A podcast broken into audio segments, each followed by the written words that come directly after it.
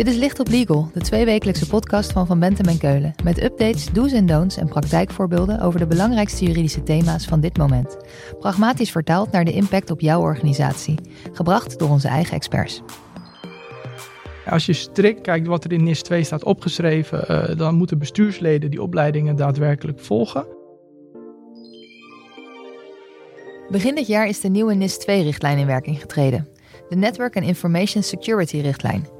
Deze richtlijn regelt de cybersecurity-strategie van de Europese Unie en heeft als doel om de IT-systemen van kritieke sectoren beter te beschermen. Op 17 oktober 2024 moet de richtlijn in alle Europese landen, dus ook Nederland, zijn geïmplementeerd. Wat de nieuwe richtlijn inhoudt en wat dit betekent voor bedrijven, daar praten we in deze Licht op Legal over met Michael Reker. Hij stelt zich even voor.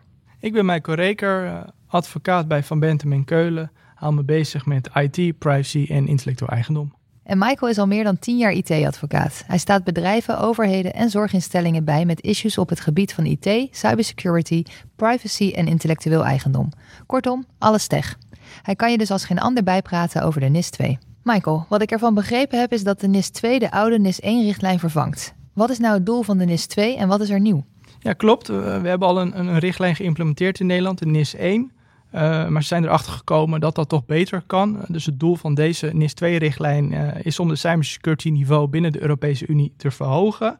Uh, zeker ook in het licht van een steeds meer gedigitaliseerde samenleving. en het gaat dan ook meer regels voorschrijven voor zogenaamde kritiek, kritieke sectoren.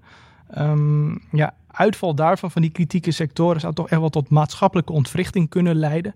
Denk bijvoorbeeld aan belemmering van economische bedrijvigheid binnen de Europese Unie of verlies van gebruikersvertrouwen. Uh, en dat, nou ja, dat kan uiteindelijk leiden tot ernstige economische schade binnen de Europese Unie. Dat willen ze voorkomen. En, en al met al is de richtlijn dan ook bedoeld om de interne markt te beschermen. En je zegt dat het bereik van de richtlijn wordt uitgebreid. Laten we daarop inzoomen. Welke bedrijven vielen er eerst onder de richtlijn en welke nu? Nou ja, voorheen was het denk ik meer de klassieke sectoren. Dus dan moet je denken aan energie, vervoer, banken, drinkwater. Maar nu wordt dat ook eigenlijk verder uitgebreid. Dus nu valt ook bijvoorbeeld zometeen de overheid eronder, maar ook ruimtevaart. Uh, maar ook wat andere diensten die eigenlijk best wel essentieel zijn voor het dagelijks leven. Denk aan postdiensten, maar ook de levensmiddelenindustrie of de maakindustrie. Uh, en dan moet je dan ook nog eens onderscheid gaan maken tussen, nou ja, wat voor soort bedrijven vallen daar dan onder.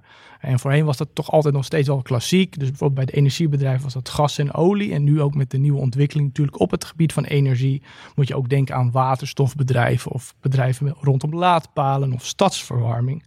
Uh, en ook in de digitale sector. Uh, voorheen was het eigenlijk meer gewoon de internet backbone, dus de DNS-dienstverleners en dat soort partijen. En nu wordt dat verder uitgebreid dat ook bijvoorbeeld datacenters eronder gaan vallen.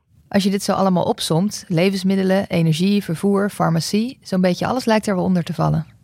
Ja, het wordt behoorlijk uitgebreid. En het is ook echt de bedoeling uh, dat, dat alles wat tot een maatschappelijke ontwrichting zou kunnen leiden, ja, dat dat eronder gaat vallen. En dus het beveiligingsniveau van die bedrijven uh, wordt verhoogd. En is er dan een limitatieve lijst van bedrijven die eronder vallen? Of kan je als je als bedrijf opeens kritiek blijkt te zijn, er vanaf dan onder gaan vallen? Nou ja, het, is, het is uh, tweeledig. Uh, op zich wordt er met lijsten gewerkt. Er zijn twee bijlagen bij die NIS 2-richtlijn. en daar wordt onderscheid gemaakt tussen aan de ene kant zeer kritieke sectoren en nou ja, een beetje arbitrair andere kritieke sectoren. Um, en dat heb je nodig om te bepalen van uiteindelijk of je nou een essentieel of een belangrijke entiteit bent. De essentiële entiteit is de hoogste categorie waarin je komt te vallen. En daar zouden dan ook de meest vergaande verplichtingen voor gelden. Uh, en dat wordt eigenlijk op basis uh, nou ja, van, van welke sector je behoort. Dus bijvoorbeeld voor een essentiële uh, entiteit. als die dan valt in de zeer kritieke sector, dan moet je denken aan dus de energie, overheid um, en de geneesmiddelenindustrie bijvoorbeeld. Duidelijk. Dus er wordt verschil gemaakt op sectorniveau en op bedrijfsniveau. Ja, precies. Er wordt eigenlijk onderscheid gemaakt dus aan de ene kant, nou ja, uh, sectoren die dusdanig van belang zijn voor de werking van de Europese Unie. denk bijvoorbeeld aan de energietoevoer of aan, aan bijvoorbeeld dat de overheid blijft functioneren. En aan de andere kant aan andere sectoren die ook wel belangrijk zijn. Ja, bedoel, mensen willen toch dat hun post wordt bezorgd. Die moeten natuurlijk wel te eten krijgen, maar ook dat er producten binnen de Europese Unie gemaakt kunnen blijven worden. Wat ik natuurlijk al in de inleiding zei, het gaat om bescherming van de interne markt. En de Europese Unie vindt dat van belang dat die interne markt en daar ook de bedrijvigheid binnen de interne markt blijft functioneren. En geldt de NIS 2 dan voor ieder bedrijf, van de bakker op de hoek tot de allergrootste dataknooppunten? Oh, ja en nee. Uh, kijk, uiteindelijk is omvang ook een criterium. Um, en daar gaat, begint het eigenlijk bij middelgrote ondernemingen. Dat zijn ondernemingen meer, met meer dan 50 werknemers uh, en 10 miljoen jaar omzet. Uh, en die zullen altijd een belangrijke entiteit zijn voor zover ze op een van die twee bijlagen staan. en dan heb je ook grote bedrijven. Dat zijn bedrijven met meer dan 250 werknemers en meer dan 50 miljoen jaar omzet. en dat zullen een essentiële entiteit zijn op het moment dat ze ook in de zeer kritieke sector bevinden. Um, maar dat is niet het enige belang. Je kan ook inderdaad een klein bedrijf zijn. Dus als je niet aan die omvangcriteria voldoet, uh, op het moment dat je een bijzondere positie inneemt binnen de Europese Unie, bijvoorbeeld omdat je de enige essentiële dienstverlener bent of van belang bent voor openbare veiligheid of volksgezondheid. Dus bij een bepaalde omvang val je eronder, of als je een unieke speler bent, maar niet die omvang hebt. Ja, precies. En dan, dan kan je aangewezen worden als toch een partij die aan deze regels moet worden uh, of moet voldoen aan deze regels. Precies. En als je er eenmaal onder valt, dan moet je van alles doen aan je cybersecurity. Wat dan? Ja, er zijn eigenlijk eh, een paar dingen die je moet doen. Um, uh, eigenlijk voornamelijk moet je passende en evenredige beveiligingsmaatregelen treffen. Maar je krijgt ook allerlei uh, meldplichten. nou, wat, wat, zijn dan die beveiligingsmaatregelen? Die zijn, hebben eigenlijk als doel om de beveiligingsrisico's te beheren en voornamelijk incidenten te voorkomen. En mocht er nou een incident zijn, dat je die incidenten, nou ja, zoveel mogelijk de gevolgen daarvan beperkt. Uh, en dan kan je denken aan beveiligingsbeleid uh, en dat je eigenlijk je IT-systeem op orde hebt, dat het niet makkelijk gehackt kan worden of, of dat onbevoegde toegang daartoe kunnen krijgen. Maar ook een fysiek toegangsbeleid, dat niet zomaar, nou, ik zou bedenken, ik loop naar zo'n bedrijf en ik loop zo naar binnen. Er moet toegangsbeleid en controle zijn. Uh, en ja, wat toch ook voornamelijk, wat, je al eerder, wat we al eerder hebben gezegd, de interne markt moet beschermd worden, de werking moet beschermd worden. En dat ook de bedrijfscontinuïteit uh, wordt gewaarborgd. Dus dat je snel, als er wat gebeurt, dat, de, dat je daar snel weer van kan herstellen en dat er backups worden gemaakt. En je had het ook over een meldplicht. Hoe zit dat? Nou ja, die meldplicht gaat dan uh, om, om, zogenaamde uh, significante incidenten. Uh, op, op het moment dat dat dan gebeurt, en dan moet je bijvoorbeeld denken aan, aan incidenten waar een, mogelijk ernstige operationele verstoring van de bedrijfsvoering kan plaatsvinden, of grote financiële verliezen van een entiteit, of aanzienlijke materiële of immateriële schade aan, aan anderen, natuurlijke personen of andere bedrijven. dan moet je dat melden. Dat doe je dan bij de bevoegde autoriteiten. En, en dat kortweg wordt die aangeduid als de, de C-cert. Uh, en dat is voor de, voor de, voor de in vakjargon uh, Computer Security Incident Response Teams. Uh, elk, elke lidstaat heeft daar één.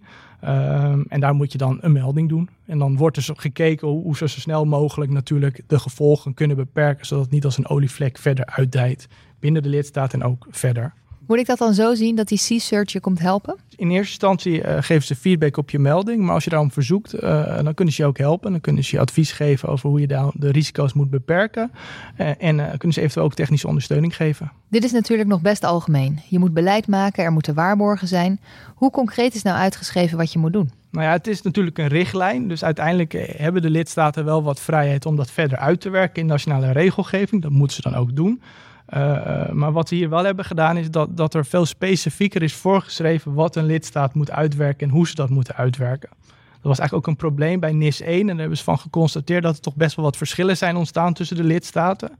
Uh, wat uiteindelijk ook nou ja, problemen kan, kan veroorzaken voor de, voor de interne markt. Want ja, je bent zo sterk als de zwakste schakel. Uh, dus dat, dat, dat gaan ze nu verder uitwerken. Uh, in Nederland is bijvoorbeeld nu die NIS 1 al uitgewerkt in, dat heet dan de Wet Beveiliging Netwerk en Informatiesystemen.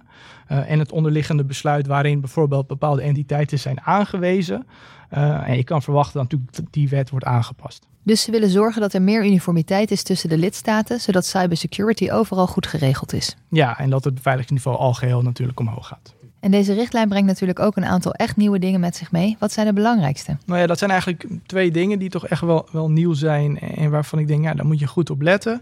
Ja, dat is aan de ene kant dat nu ook uh, je toeleveringsketen eronder gaat vallen. dus dat betekent dat je ook moet zorgen dat de beveiliging daarvan, van die toeleveringsketen, dat dat op orde is.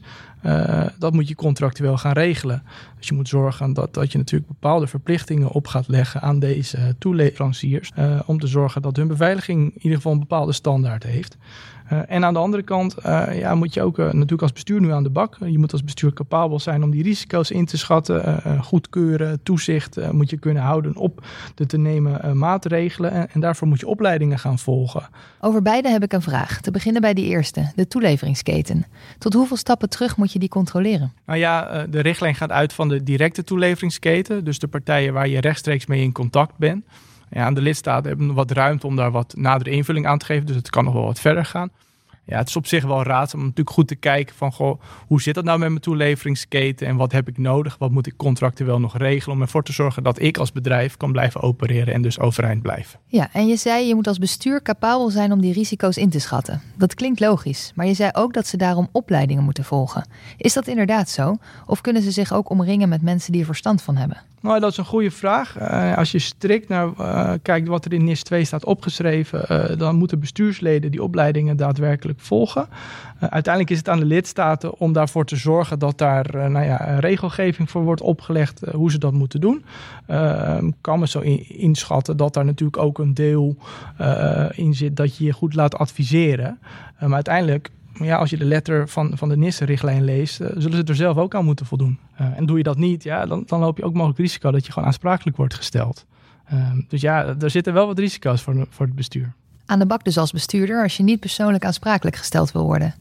En in zijn algemeenheid, als een bedrijf zich er niet aan houdt, wat gebeurt er dan? Nou ja, zoals altijd natuurlijk, als je ergens niet aan houdt, dan kan er gehandhaafd worden. Uh, in dit geval kan je dan denken dat, nou ja, voornamelijk wordt er ingesteld gezet op herstelmaatregelen. Dat, dat zo'n uh, bevoegde autoriteit of zo'n toezichthouder ervoor zal zorgen dat je alsnog wel gaat voldoen. En ja, in het ergste geval krijg je boetes. Uh, nou ja, dat toezicht is proactief bij essentiële entiteiten en reactief bij belangrijke entiteiten. Dus, dus vooral eigenlijk de, de focus ligt toch echt op die essentiële entiteiten. Uh, ja, wat kan er nou gebeuren ook bij een essentiële entiteit? En dat is wel echt een uiterst geval. maar op het moment dat je toch echt niet wil meedoen en ook aan die herstelmaatregelen lak hebt, uh, dan, ja, dan kunnen ze ingrijpen in je bedrijfsvoering. en dat zou kunnen betekenen dat ze tijdelijk je vergunning gaan opschorten. En dan kan je dus niet actief zijn. Of dat er een tijdelijk bestuursverbod komt voor een van de bestuurders of voor het hele bestuur, zodat er ingegrepen kan worden en er wel wordt gedaan wat nodig is. In ieder geval volgens de toezichthouder. Het gaat om belangrijke bedrijven. Betekent dit dan dat de toezichthouder zelf het stuur overneemt? Nou ja, het valt niet uit te sluiten, zeker met zo'n bestuursverbod, dat er dan op dat moment tijdelijk iemand anders wordt aangewezen om de maatregelen te gaan laten treffen die nodig zijn. Michael, we hebben veel besproken, maar waar moet je nu meteen mee aan de slag nadat je deze podcast hebt geluisterd?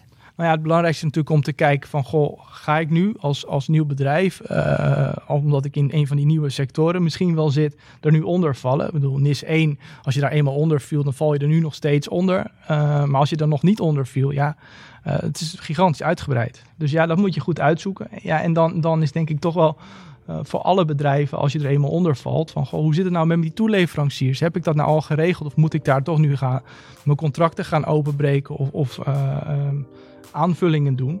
Um, maar we denken ook natuurlijk wel over, over dat bestuur. Ja, uh, veel van die besturen die, die zullen dat misschien niet helemaal scherp op het netvlies hebben staan. Zullen misschien al niet die opleiding hebben gevolgd. Ja, die moeten aan de bak.